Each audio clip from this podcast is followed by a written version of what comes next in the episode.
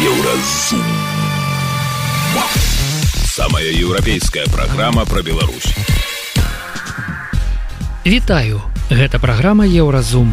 І самыя важныя падзеі сэнсы панядзелка 25 верасня. Ці чакаць новай рэвалюцыі ў Беларусі? Сцэнарый змены ўлады ад польскага аналітыка. станет какой-то абсолютно непонятный человек, который будет слабее Лукашенко и продаст Беларусь уже полностью России. Чаму рэжым Лукашэнкі так не любіць, калі яго называюць рэжымам? мне падаецца калі ўсё скончыцца дык выйдзе той же алейнік і скажа ну я ж толькі даводзіў пазіцыю я ж ніколі не казаў што гэта маё меркаванне Я незалежная кандыдатка Яна шостак пра хейт і падтрымку на выбарах. калі вы хочаце зневажаць мяне за тое што я мастачка дык можа спачатку зневажце прэзідэнта вольнай Украіны Пра гэта ды іншае больш падрабязна цягам бліжэйшай гадзіны. Еўразум. Жыві ў рытме Еўропы. Лукашенко ніколі асабліва не любіў Польшу і палякаў, але ў апошнія тры гады гэтая суседняя краіна і яе кіраўніцтва сталі яму літаральна папярок горла. Цяпер для рэжыму Лукашэнкі Польшча вораг нумар адзін. І даводзіць ён гэта не толькі словамі праз прапаганду, але і дзеяннямі, руйнуючы польскія могілкі ў Беларусі, пераследуючы прадстаўнікоў польскай меншасці і арганізуючы мігранцкі крызіс на мяжы. Бываюць, канешне, прасвятленні ў гэтай нянавісці, але ненадоўга. Пра польска-беларускія стасункі сёння гаворым з аналітыкам і былым часовым павераным Польшчы ў Беларусі Вітольдам Юрашам. Витальд, вот главный вопрос у меня, да, Лукашенко, он все время строит из себя миротворца, он э, много раз за последние несколько недель повторил, что Беларусь не угрожает Польше, и даже один раз попросил премьер-министра своего наладить отношения с Варшавой. Что по этому поводу думают в Варшаве, собственно говоря, и может ли Польша простить Лукашенко за все, что он сделал за последние три года м, против поляков? Ну, я думаю, что вопрос не в том, может ли Польша простить, но может ли Украина простить. Началось с территории Беларуси. Это соучастник вот этой войны. Вот это первое. Я думаю, что вопрос в том, могут ли белорусы простить Лукашенко то, что он сделал в 2020 году. Я долгие годы был сторонником разговора с э, Лукашенко. Я считал, что с ним надо иметь дело, поскольку мне казалось, что вот альтернативой для тогдашнего Лукашенко есть, ну вот такой Лукашенко, как сейчас. В то время большинство аналитиков, э, дипломатов, экспертов, комментаторов в Польше говорят, да нет, ну там типа будет революция, что-то изменится и так далее, и так далее. Но, но мне кажется, что я был прав. Во всяком случае, так, э, так получилось, как, как я говорил. Но раз так получилось, то надо сделать выводы. А вывод такой, что, на мой взгляд, Александр Григорьевич э, перешел точку невозврата. Э, С другой стороны, украинцы все-таки контакты какие-то неформальные с Лукашенко поддерживают. Я тоже помню начало войны, когда вот э, украинцы были вынуждены держать э, две бригады возле того места, где, где Польши, э, Белоруссии и Украины. А, И Лукашенко вот эти белорусские войска из этого места взял, и тогда вот Украина была имела возможность, чтобы вот это две бригады перебросить э, под Киев, где тогда шли тяжелые бои. Э, То есть э, э, в таких вот крайних ситуациях, ну, приходится говорить даже с таким человеком, как, как Лукашенко. Но я тоже помню польскую историю. Вот Запад и демократическая оппозиция в Польше с Ярузельским, с Войчехом Ярузельским разговаривала в 88-89 году, а тот же Ярузельский в 81-м вел военное положение в Польше. То есть всякое в политике бывает, да? Э, И то, что кто-то не- неморальный, аморальный, плохой, а даже и убийца, это на самом деле э, большого значения, э, так исторически смотря, не имеет. Но на тот момент я такой возможности в случае Белоруссии не вижу. Поскольку вот в окружении Ярузельского когда вот эти изменения начали, начинались у нас, были определенные люди, то есть реформаторы. А вот в окружении Лукашенко есть, ну, короче, ну, это хунта, это не правительство, это хунта. И террор только наращивает. То есть я буквально на прошлой неделе встречался с, с человеком, который приехал с Беларуси. Я, я не буду тут никаких деталей говорить, чтобы человеку не навредить, да, но, но там есть просто реально э, ситуация э, очень плохая. То есть я не вижу такой возможности. Ну и, например, вчера стало известно, что активист из Гродно, который неделю назад переехал э, в Польшу, вынужден был переехать, э, умер, не выдержало сердце. Э, то есть человек э, смог убежать от политических репрессий, но не смог даже неделю прожить в другой стране, не выдержал всех этих обстоятельств. И действительно я готов согласиться с нашим гостем, что репрессии, они не собираются останавливаться. В том числе репрессии против польского меньшинства, Э, мы знаем, что э, разрушаются кладбища времен армии Краевой. Э, мы знаем, что Анджей Почобут сидит в заключении, что уничтожен союз поляков в Беларуси.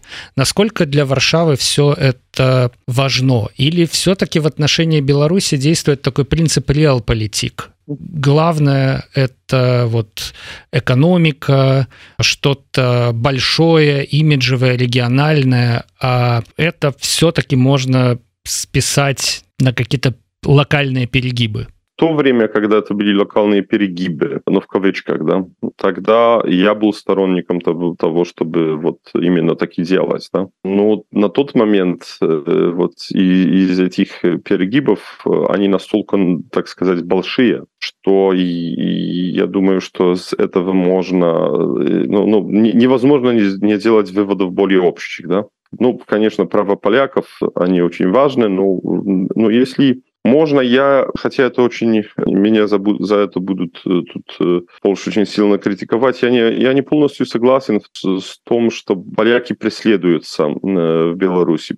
Меньшинство, оно преследуется, когда у члена меньшинства меньше прав, чем у гражданина той же страны, который не является членом меньшинства. Но вот дело в том, что у, у белорусов белорусского происхождения политических прав в Беларуси ноль. И в этом смысле Анджей Почобут, э, ну, это там ничего особенного нету. Э, политзаключенных свыше тысяча, да. То есть статистически должно быть поляков в белорусских тюрьмах за стенках КГБ 30 или 40. Мне его, конечно, жалко, э, но, но мне лично кажется, что он в тюрьме не из-за того, что он польский активист, а скорее всего из-за того, что он считается оппозиционером и противником режима. Ну, кстати, я могу сказать, что когда я был временным поверенным, я считал, что э, нельзя быть одновременно активистом польского меньшинства и членом оппозиции. Поскольку, понимаете, вот э, в математике э, два минуса — это плюс. А вот в политике два минуса — это... Два минуса. Двойной два минуса. Вот все. Я откровенно вам скажу, что я довольно пессимистически смотрю на будущее. Притом э, есть э, один э, вот очень известный деятель независимых медиа э, с Беларуси, который эмигрировал много-много лет тому назад, в десятом, да. И я вот этому человеку э, сказал, что надо наладить свою собственную жизнь. Э, ну, то есть, ну, это женщина, выйти замуж, найти себе кого-нибудь. Она мне сказала, да, год-два я вернусь в Беларусь. И я ответил, да нет, ты вернешься в Беларусь через лет 10 или 20, или вообще не вернешься. Да? Но прошло лет 13 уже. Это мой, кстати, совет для, для всех политэмигрантов с Беларуси. Знаете, жизнь у людей одна. На думку Вітольда Юраша, беларуская рэвалюцыя 2020 года не мела шансаў на поспех, бо лідары не падрыхтавалі да яе людзей, а лукашэнкаўскія чыноўнікі масава не перайшлі на бок народа. Якія тады сцэнары магчымыя, каб беларусы ўсё ж здабылі свабоду. Працягваем размову з Вітольдам Юрашам. Я заметил, не, не задали мне вопроса про рейд полка Калиновского на Минск. Я очень вам благодарен за то, что вы мне не задали этого вопроса, поскольку когда я слышу вот эти легенды про чуть ли не бригаду или дивизию белорусскую в Украине, то мне просто становится смешно. Там есть люди, я их очень сильно уважаю, но простите их что, 200, 300, да? 500 было ну, может, время. Может, тысяча, но все равно мы понимаем, что... Ну да, да, ну, короче, э, вот этого сценария не будет, да. Есть э, сценарий просто очередной революции, и он э, на самом-то деле возможен, поскольку, насколько я понимаю, ну, меня в Беларуси давно не было, и я на тот момент без дипломатического иммунитета не чувствовал себя безопасным и никогда бы там не поехал, но если я понимаю настроение, то белорусам Лукашенко надоело, просто надоело. И тогда, возможно, революция не спланированная, ну, вот такая такая совсем, знаете, Снизу. эмоциональная, вот, ну, притом жесткая. Это вполне возможно. Дворцовый переворот, я думаю, тоже возможен, но тут вопрос, будет ли это такой дворцовый переворот э, типа свержения Хрущева, то есть э, придут соратники э, Лукашенко ему скажут, уходи, пожалуйста, на пенсию. Но я не думаю, поскольку, э, насколько я э, знаю Лукашенко, он, э, он на такой не пойдет. То есть этот дворцовый переворот, он, скорее всего, будет... Но он будет кровавым, откровенно говоря. Другого я не вижу. Но есть еще и, возможно, к сожалению, переворот, но организованный э, извне, и при том я не имею в виду извне, то есть Запада, но, скорее всего, с Востока. И следующим лидером Беларуси станет какой-то абсолютно непонятный э, человек, который будет слабее Лукашенко и продаст Беларусь уже полностью России. Гэта быў польскі аналітык і экс-часовы павераны Польшы ў Беларусі Вітольд Юраш. Мы гутарлі пра тое, чаму Лукашенко ў свой час выбраў сябраваць з рассіяй, а не з Польшчай. І ці зможа нашая заходняя суседка дараваць беларускаму кіраўніку усе здзекі над усім польскім у краіне. Еўразум. Беларусь у еўрапейскім фокусе. Далей у праграме Еўразум. Чаму рэжым лукашэнкі так не любіць што яго называюць рэжымам? Мертвец калі ўсё скончыцца так выйдзе той же алейнік і скажа Ну я ж толькі даводзіў пазіцыю я ж ніколі не казаў что гэта маё меркаванне я незалежная кандыдатка.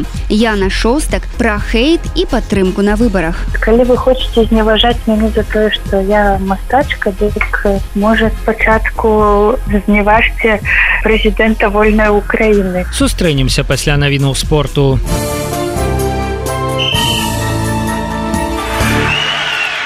На еўрарадыё навіны спорту. Зборная Беларусі па пляжным футболе заваявала бронзу еўралігіум. У матчы за трэцяе месца была абыграная Португалія 6-5. У 2021 годзе ў зборнай Беларусі было срэбра. Мінчанка стала ўладальніцай жаночага суперкубка Беларусі па валейболі, які разыгрывалі ўпершыню. У баранавічах была атрымана перамога над прыбужжам з брэста 30. У хакеістаў мінскага дынама шостае паражэнне ў 9 матчах чэмпіянату КХл. На гэты раз яны саступілі дома тарпеда з ніжняга Ноўгарада 34. 26 верасня дынамаўцы прымуць казанскі акабарс.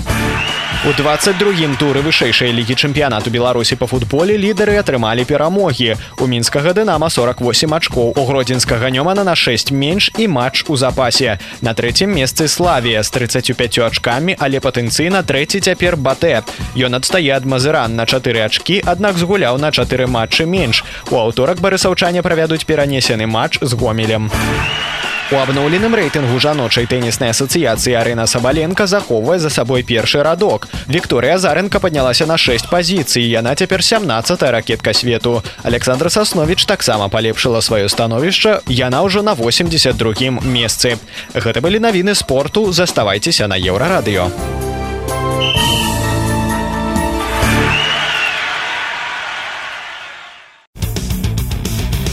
Еўразум жыві ў рытме Еўропы. Увесь мінулы тыдзень у нью-йорку праходзіла генеральная ассамблея аан. Беларусь на ёй прадстаўлялі дзве дэлегацыі. Одна ад народа на чале са святланай ціхановскай іншая ад лукашэнкі на чале з кіраўніком мзс сергеем алейнікам. Мы уже распавядалі што ціхановская аладзіла сустрэчы з лідарамі розных дэмакратычных краін і лабіравала праект пашпарту новай беларусі. А алейнік распавядаў з высокіх трыбун які беларускі рэжым хорошы і ўвогуле попрасіў не называць рэжым рэжымам просьбу алейніка Праўда тут жа праігнаравала яго ісландская калега заявіўшы што ў беларусі праціўнікаў рэжыму саджаюць у турму і ссылаюць тады як правіцелі падтрымліваюць вайну рассіі ва ўкраіне але чаму лукашэнкаўскія ўлады так крыўдуюць на слова рэжым пагутарылі пра гэта а таксама пра ўражанне ад ген асамблеі з гісторыкам і палітычным аглядальнікам александром фрыдманам Ну я тут могу сказать калі алейніку не падабаецца ну хай ён і не ўжывае Вось можна ўжываць больш актыўна тэрмін дыктатура які лукашенко сам актыўна ўжывае ён же сябе раз пораз дыктатарам называе дыктатурай называе Ну можа гэты тэрмін будзе будзе больш падабацца Ну у прынцыпе гэта ж дыскусія ні пра што у тым сэнсе что тое что ў Беларусі назіраецца ніякай дэмакратыі зразумела няма легітымнасці таксама няма. Таму тэрмін тэрмін рэжым ён цалкам цалкам падыходзіць для абазначэння Ну а калі алейніку і лукашэнку не падабаецца Ну что тут что тут ужо зробіш нічога нічога не зробіш гэта так бы мовіць ужо іх праблемы але э, выступ алейніка здаецца ж разумны чалавек э, про вот э, хто пачаў вайну что вот оказывается гэта э, захад прымусіў э, спачатку там этих гіркіна э, разам со сваёй бандай потым зялёных чалавечкаў Крым увайсці. Гэта захад а потым відаць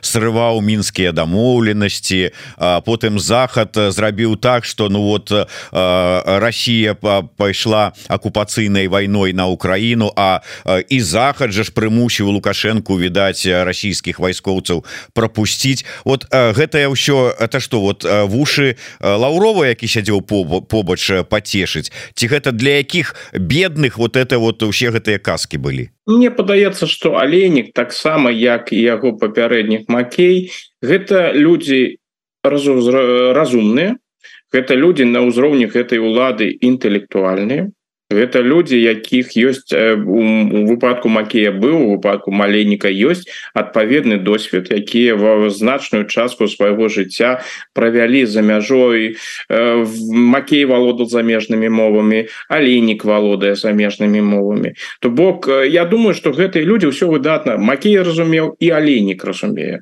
Але у яго зусім напэўна іншае стаўленне і разумення свайго абавязка. Ён лічыць сябе чалавекам які прадстаўляе Ну ён лічыць что прадстаўляе краіну я лічу что ён прадстаўляе рэжым лукашэнкі. І таму з яго пункта гледжання калі ён выступае ён павінен ужо найлепшае для того кому ён служыць данесці і зрабіць. Таму ён гэта ўсё гаворыць дакладна ведаючы что ён ну гаворыць праблематычныя рэчы. Ён у гэта не верыць як мне падаецца але лічыць патрэбным. Ён гэта разглядае як сваю працу. Ну вось у яго такая праца даводзіць пазіцыю пазіцыю беларускага ўрад даводзіць пазіцыю даводзіць пазіцыю лукашэнкі. Калі напрыклад калі мне падаецца калі ўсё скончыцца так выйдзе той же алейнік і скажа Ну я ж толькі даводзіў пазіцыю я ж ніколі не казаў что гэта маё меркаванне я быў свайго кшталту ось я праводзіў то что мне то что мне казалі я імкнуўся дасягнуць дасягнуць лепшага. Гэта у яго уяўлення Ну а что тычыцца там хлусіць казаць лухту ну, гэта нормальная справа для вось гэтых дыпламатаў гэтай краіны і не толькі там лаўроў і альбо алейнік гэтым займаюцца Ну тое что кажа лаўроў яно ў цэнтры увазе Ну а калі там мы пач мы паглядзім что распавядаюць не ведаю афрыканскія розныя дыпламаты альбо азіяцкія дыпламаты Ну гэта мало адрозніваецца гэта трошки іншы накірунак але прыкладна тое ж самае праўду казаць гэта зусім не тое кажуць тое что жадаюць казаць Так что нічога тут надзвычайнага не было і я б на гэтыя прамовы не звяртаю увагі паколькі яны абсалютна прадказальны вось аленік ён яшчэ не выйшаў а ўжо в прынцыпе зразумела что ён там скажа. Там нічога новага быць у прынцыпе у прынцыпе не можа. І ён себе і не дазваляе нічога нового Я думаю что ўсё что ён все тезісы якія ён прасоўвае гэта тезісы лукашэнкі. Гэта не знешняя палітыка лука знешняя палітыка аленіка. Аленік гэта той чалавек які мае пэўны досвед і даводзіць тое что жадае давесці лукашенко Ну а что жадае давесці лукашенко мы же ведаем Працягваем размову з Александром Фрыдманам. Калі не словы то дзеянні дакладней сустрэчы. Вось калі прааналізаваць іх. Ўсё ж таки там а, мы там звяртаем больш увагу тут сваёй дэмакратычнай супольнасцю о з кім там на якім узроўні сустракалася ціхановская. І сустрэча сапраўды на полях генасамблеі Ан былі такія ну заўважныя скажем так. Алей алейнік яго команда праводзілі таксама сустрэчы з рознымі прадстаўнікамі кіраўнікамі міністрамі краінаў Афрыкі і Азіі про что это сведчыць Ну аленік прагматык ён ведае что сустракацца з ім напэўна еўрапейскія калегі не будуць амерыканскія не будуць. А калі і будуць то гэта будзе не будзе рабіцца вось так вось афіцыйна каб гэта побачылі Таму ён сустракаецца з тымі хто гатовы з ім размаўляць. А у Афрыцы і у Азіі з ім гатовыя размаўляць. Там нават больш там нават ёсць пэўныя пэўны прэстыж ім размаўляць. Ну ёсць же афрыканскі еўрапейскія краіны на якія мало хто звяртае увагу які імкнуцца каб звярнули на іх увагу. А вось тут с тобой готовы сустрэцца міністр замежных справаў еўрапейскай краіны. Гэта ж можна вельмі добра продать Вось я калі лукашенко пачаў вось актывізаваў сваю афрыканскую палітыку я трошки паназіраў за афрыканскай прэсы як там не столькі як лукашенко як яны яго показваюць больш цікава як показывается Беларусь. І вось вось там у Афрыцы у афрыканскіх медыя Беларусь показваецца зусім іншым чынам як у Еўропе. У Еўропе Беларусь разглядаецца як ізгой. І у прынцыпе гэта згучыць жахліва але насамрэч так Беларусь не ўспрымаецца па-за межамі краіны ў Еўропе как еўрапейская краіна. Больш не ўспрымаецца. Что гэта так вось краіна недзе там на задворках звязаная з Россией інша такое ўспрыманне еўрапейскасці Беларусі яго на жаль усё менш і менш. З пункту гледжання Афрыка афрыканскага гэта безумоўна афрыканская гэта безумоўна бела еўрапейская краіна і гэта падкрэсліваецца вось мы сустрэліся з прадстаўніком еўрапейскай краіны. А для афрыканскіх краінаў і для маленькіх азіяцкіх краінаў гэта гэта гэта ўзровень гэта цікава гэта прыемна. Так что гэтыя сустрэчы арганізаваць праблемы праблемай не было. Так что з кім размаўляць алейнік знойдзе у Афрыцы знойдзе у Азіі знойдзе можа нават часткова у лацінскай Амерыкі знойдзе можна накіравацца там у некараву альбо на Кубу. Калі мы паглядзім усё ж таки Еўропу заходні свет ну там готовых размаўляць з ім сур'ёзна размаўляць не няма і напэўна не будзе у бліжэйшы час. Ну гэта зразумела і атрымліваецца что знешняя палітыка Беларусі пераарыентавалася Ну калі браць там не толькі Россию але і как бы іншая менавіта афрыканска-азіяцкі Ну можа быть там плюс яшчэ дзе-нідзе там паўноч паўднёва-амерыканскі кірунак гэта дае Ну пакідае нейкія шансы на развіццё все-таки Ну добра там не прызнае нам нас Еўропа і не хоча супрацоўнічаць там паўночная Амерыка ЗША то вот тут таксама і шмат краінаў і шмат насельніцтва і краіны таксама там розныя можна шмат чаго атрымаць з гэтага. Вот що ж таки правільны выбралі зрабілі крок Ну, улады тры улады імкнуцца гэта зрабіць. Но пакуль калі мы паглядзім там супрацоўніцтва з рознымі краінамі дзе яны сапраўды дасягнулі пэўных поспехаў у развіцці адносінаў. Ну не ведаю зімбабвы Вось калі мы паглядзім усё ж такі уровень узровень адносінаў Зімбабве гэта такі вельмі добры ўзровень. Зімба для Зімбабы Беларусь лічыцца адным з галоўных партнёраў у Еўропе. Вось. Але калі мы паглядзім уплыў там таго ж Зімбабве альбо вось новых праектаў у экватарыяльнай гвінеі на беларускую эканоміку ён сапраўды вельмі абмежаваны. Галоўным чынам беларуская эканоміка атрымаецца толькі дзякуючы России расійскаму рынку. Так что у гэтым гэта галоўны накірунак а астатнія гэта просто просто такія фрагменты тут э, нічога сур'ёзнага на дадзены момант няма. І тое что гэтыя краіны могуць прапанаваць сапраўды прапанаваць э, Беларусі гэта гэта абмежавана. Ну что можа прапанаваць э, экватарыяльная гвінея ресурсы уласныя Ну пакуль ты дабярэшься до гэтых ресурсаў гэта такая справа. А у сэнсе тэхналагічным напрыклад что там можна атрымаць? Нічога нельга атрымаць. Сучасныя технологлогі яны по-ранейшаму ідуць заходніх краінаў. Так что калі у тебя дрэнныя адносіны з заходнімі краінамі ты супрацьпастаўляешь сябе з захаду гэта значыцца что ты будешь і далей. Не ну гэта не азначае аўтаматычна эканамічную катастрофу но гэта азначае что ты будешь існаваць і далей на досыць абмежаваным узроўні Гэта быў гісторык і палітычны аглядальнік Александр Фрыдман. Мы абмяркоўвалі з ім уражанні ад генасамблеі Аан, а таксама паразважалі пра тое, чаму рэжым Лукашэнкі так не любіць, калі яго называюць рэжымам. Еўразум. Беларусь у еўрапейскім фокусе. Далей у праграме Еўразум. Я незалежная кандыдатка. Я на шостак пра хейт і падтрымку на выбарах. Калі вы хочаце зневажаць мяне за тое, што я мастачка, дык можа спачатку зневажце прэзідэнта вольнай Украіны. Сустрэнемся пасля навінаў шоу-бізу. Шоу-біз.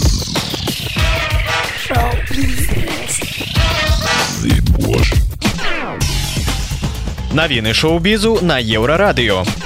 Апошні сезон вядомага серыяла сексуальнае выхаванне выйшаў на Netflix пададзеных вар'яте. Чацвёрты сезон шоу раскажа пра тое, як героі апынуліся пасля закрыцця муртэйла ў новай школе месцы, ў якім пануе атмасфера пазітыўнай энергіі, інклюзій і неканкурэнцыі. У новым сезоне да сваіх роляў акрамя баттерфілда Андерсона і макі вярнуцца Эймі Лувуд, Конар Суэндзілс і іншыя. Вядомая італьянская спявачка Іладзі вярнулася ў музычныя чарты з новым сінглам. Гэта першая сольная праца пасля гучнай прэм'еры альбома, які выйшаў падчас яе ўдзелу ў Санрэма ў лютым. А Фарис Пенты гэта гімн чыстаму і шчасліваму каханню, якое прайшло пасля цяжкага расчаравання. Напісаны калегай і сяброўкай спявачкай Элізай Тофолі. У відэа ладзі ператварылася ў венеру батычэлі нашага часу. З вельмі доўгімі валасамі блакітнымі вачыма дзяўчына з'яўляецца ўвасабленнем маці прыроды проект гаварун які стварае якасную беларускамоўную агучку анімацыі мастацкіх фільмаў у серыялаў на днях анансаваў выхад другой часткі чытанняў жыгамонтам паведамляе рэформбай вядомы беларускі вандроўнік актор даследчык і вядоўца чытае казкі апавяданні беларусаў палішукоў серж путоўскага. Гэта этнограф мовазнаўца і літаратар які збіраў фальклор на палесе ў двадцатым стагоддзі. Проект будзе працягвацца далей. Выхад чарговых чытанняў анансуецца па пятніцах Учора ў тэлеверсіі шоу голас краіны скончыліся сляпыя праслухоўванні. Гэта азначае, што настаўнікі праекта закрылі набор у свае каманды.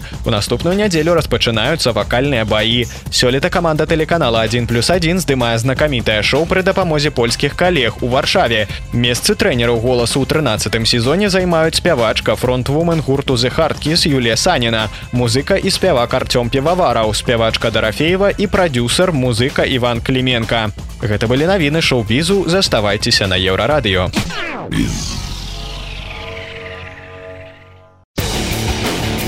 Еўразум. Беларусь у еўрапейскім фокусе. 15 кастрычніка ў Польшы пройдуць парламенцкія выбары.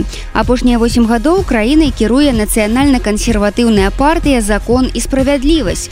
Але натуральна, што ад адных і тых жа твараў на вышэйшых пасадах людзі стамляюцца. Таму ёсць шмат прычынаў меркаваць, што сёлета ў гэтай краіне ўсё ж зменіцца кіраўніцтва. Прынамсі гэтага не выключаюць аналітыкі і эксперты.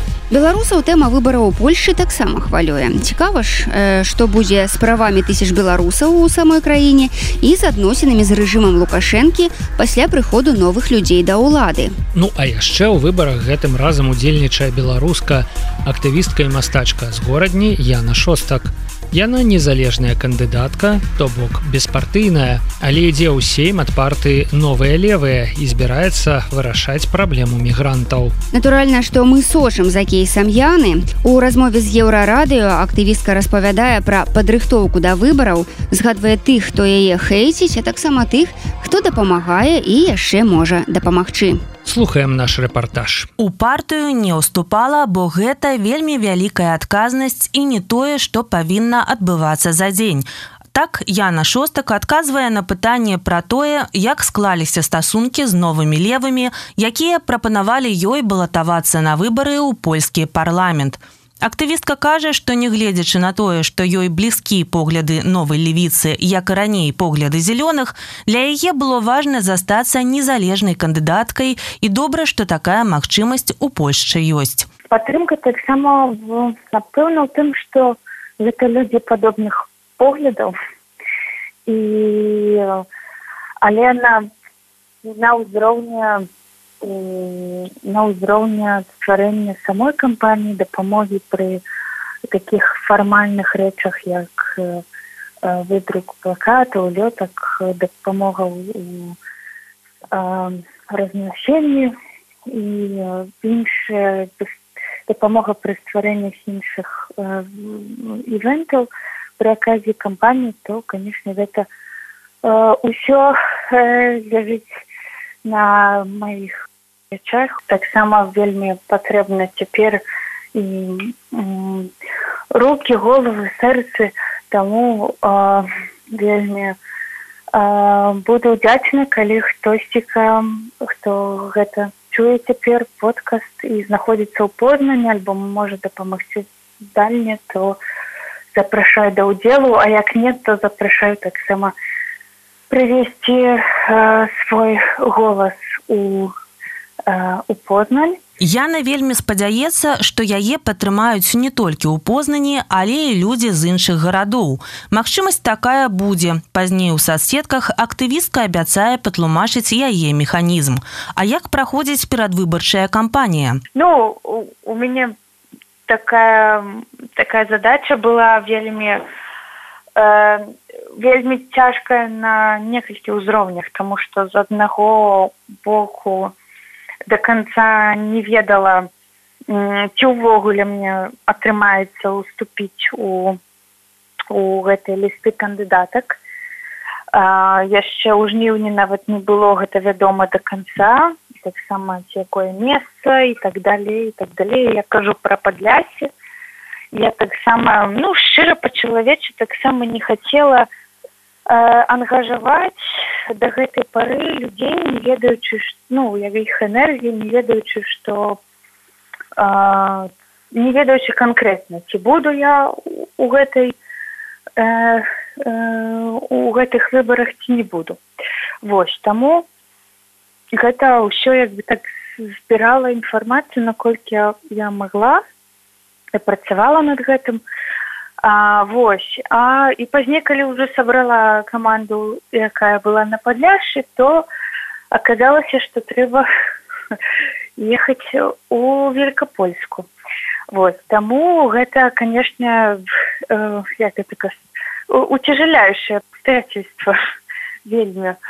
Тому что изменяется место изменяется концепт изменяются люди и калі ты хочаш быць э, шчырым пры гэтым усім то конечно гэта гэта гэта цяжка вельмі. Вось таму у а у великкапольсце я там у познані абараніла дактарат з мастацтва і там маю знаёмых але ўсё ж таки гэта э, вельмі цяжка тому что перш за ўсё э, маю знаёмых якія э, заангажаваліся гэта альбо людзі культуры альбо актывісты актывісткі.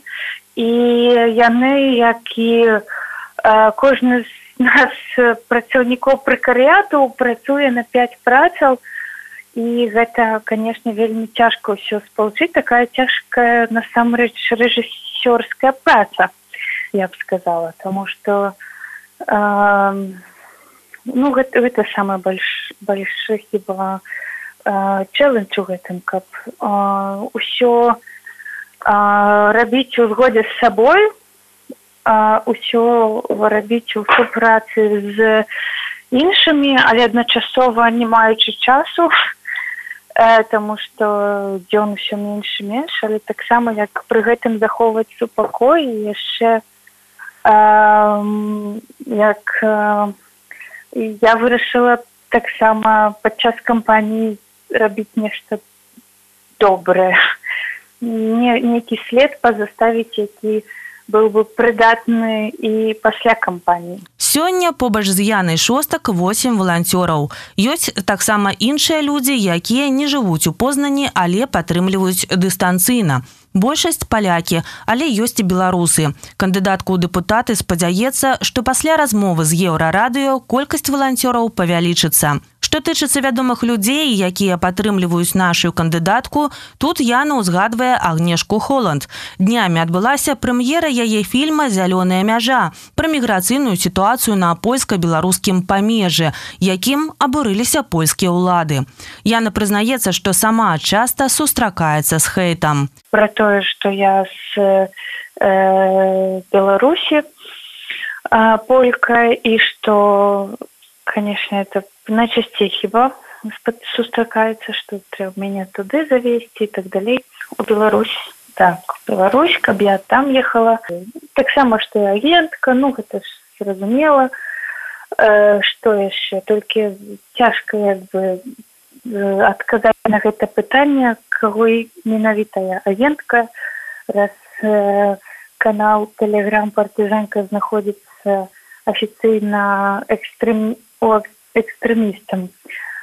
Вось таму гэта цяжка адказаць ім на гэта пытанне але ўсё роўна. А трэця гэта за то што я мастачка канешне гэта тут я уже на кожным узроўні атрымала э, хейту не толькі ад ботаў але таксама і ад прадстаўніц э, платформы галоўнай апозіцыйнай партыі у у польше вось але заўсёды адказваю тады что ну слухайте калі вы хочетце зневажаць мяне за тое что я мастачка дык можа спачатку э, э, зневажце э, прэзідэнта вольнай украіны Нягледзячы на хэт і колькасць працы, дзяўчына кажа, што адчувае сябе добра. Хачу праснуцца ў дзень пасля выбараў, паглядзець у люстэрка і сказаць, што зрабіла ўсё, што магла для справы, але засталася сабой. Гэта лепш, чым выйграць і не пазнаць сябе ў люстэрку. Упэўнена беларуская кандыдатка ў дэпутаты Польшчы Яна Шостак. Інфармацыйная служба еўрарадыё. Еўразум. Беларусь у еўрапейскім фокусе.